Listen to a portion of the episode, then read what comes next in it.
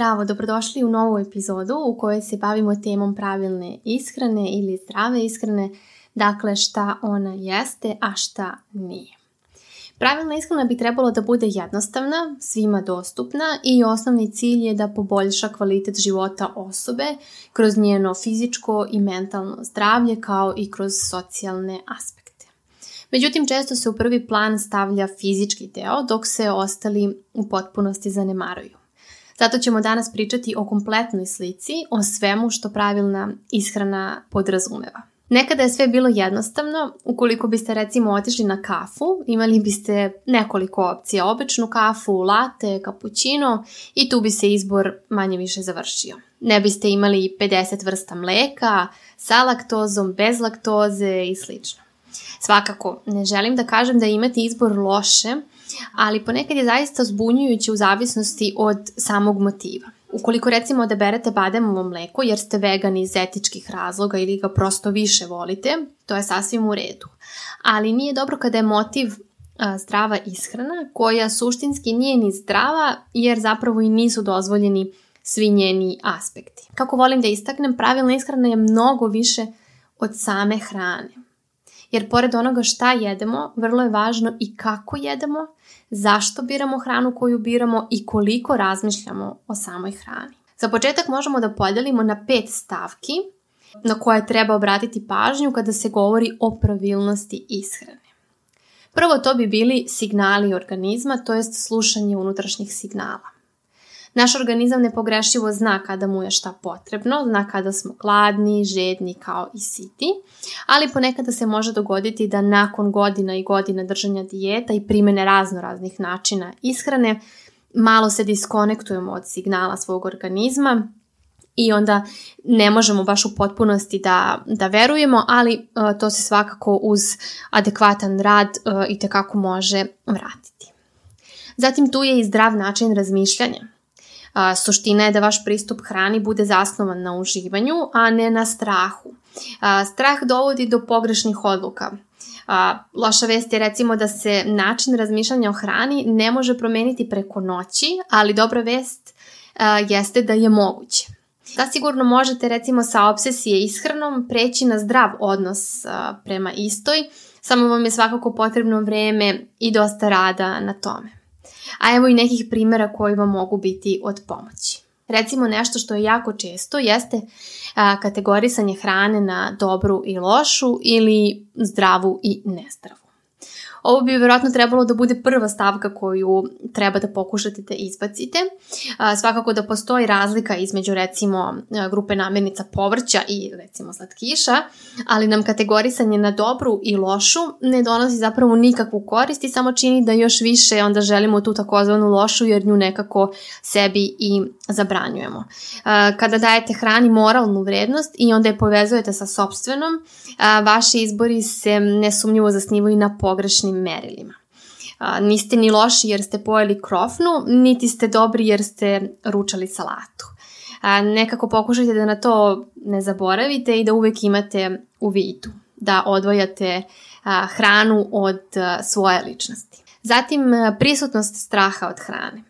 Ako imate alergiju na hranu, opravdano je biti uplašen od kontakta sa istom. Ali oko hrane ima puno potpuno neutemeljenih strahova, pa se opet zapitajte odakle taj strah, odakle vam ideja da određenu hranu ne treba da jedete.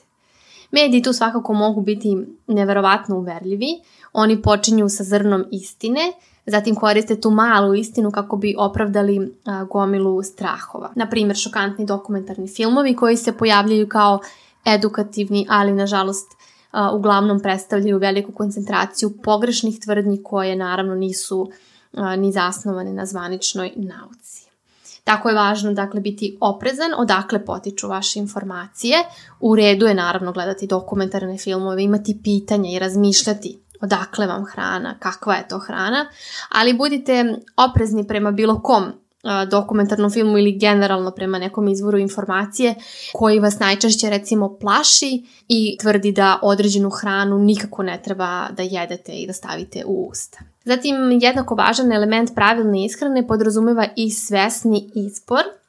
Postoji mnogo razloga zbog kojih se mi kao pojedinci opredeljujemo da pojedemo određenu hranu.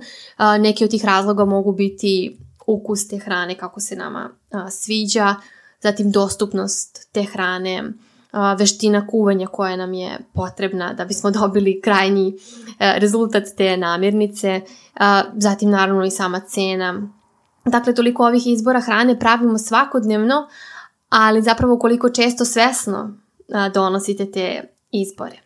Prilikom svesnog izbora namirnica tražite dobar razlog da pojedete određenu hranu, a recimo ova četiri pitanja mogu vam pomoći da identifikujete dobar razlog za, za jelo. U trenutku kada birate šta ćete jesti, možete poći od ovih pitanja recimo. Da li mi pomaže da se hranim uravnoteženo? Da li će mi ova hrana dovoljno držati sito? Da li će uživati u ovom obroku? Zatim važnost rutina i navika. Bez plana jedenja, ritmova i rutina rizikujete da postanete preterano gladni i onda naravno ne donesete najbolje odluke za potrebe svog tela. Uspostavljanje rutina poput planiranja, obroka i jedenja u slično vreme tokom dana može vašem telu pomoći da se opusti, znajući da postoji plan. A evo primjera koji ilustruje kako se svi navedeni delovi uklapaju u jednu širu sliku. Recimo da počinjete sa željom da se hranite zdravije, Možda za vas to znači da jedete više povrća, da možda manje nesvesno uveče grickate i recimo ne jedete do te mere da se prejedate. Želite da jedete više povrća jer znate da je dobro za vas i pomoći će vam da ispunite svoje dnevne nutritivne potrebe isprobali ste neke e, dijete na osnovu ograničenja, kako vam one nisu pošle za rukom, odlučili ste da isprobate novi pristup gdje jednostavno odgovarate na signale svog tela o gladi i sitosti. Dok pokušavate da iskoristite svoje signale gladi i sitosti, otkrivate da često ne čujete svoje signale sitosti i na kraju se prejedate. Varanje prostora, to je davanje sebi vremena da oslušnete dovešće vas do toga da možete i da čujete i da naravno onda odaberete odgovor koji je u skladu sa vama. Međutim, čak i dok se usredsređujete na svoje instinkte za ishranom kroz prostor koji ste sami sebi obezbedili, i dalje se borite protiv žudnje za određenom hranom. Bez obzira koliko puta sami sebi kažete da ćete pojesti malu porciju čipsa, snaga volje odjednom nestane i vraćate se po još. Ono što vam nedostaje, delić slagalice koji podrazumeva zdrav način razmišljanja u kom ste sve dalje od razmišljanja o restriktivnim stavovima prema hrani. Dokle god određenu hranu stavljate na pijedestal važnosti, tako što je karakterišete kao neku zabranjenu, nezdravu, a, će za vas uvijek imati posebno značenje i uvijek ćete želiti mnogo više. Sada vam je potrebno još da uključite i rutinu, počnite da usvajate navike planiranja obroka, recimo za početak i pripreme hrane, tako da vam obroci koje odaberete uvijek budu na raspolaganju. Ne morate naravno odjednom da počnete da sve svoje obroke pripremate kod kući i uvijek imate spremne, ali možda za početak kada jednom spremate, napravite duplu meru pa onda imate i za naredni dan. Svakako nije teško pravilno se hraniti, samo kada vam je jasno šta to zapravo znači. Ako me prvi put upoznajete putem ovog podcasta, želim da vas pozovem da pogledate i moj sadržaj na drugim platformama. Možete kucati u pretraživaču kao Nada Fokt i izaći će vam moji profili.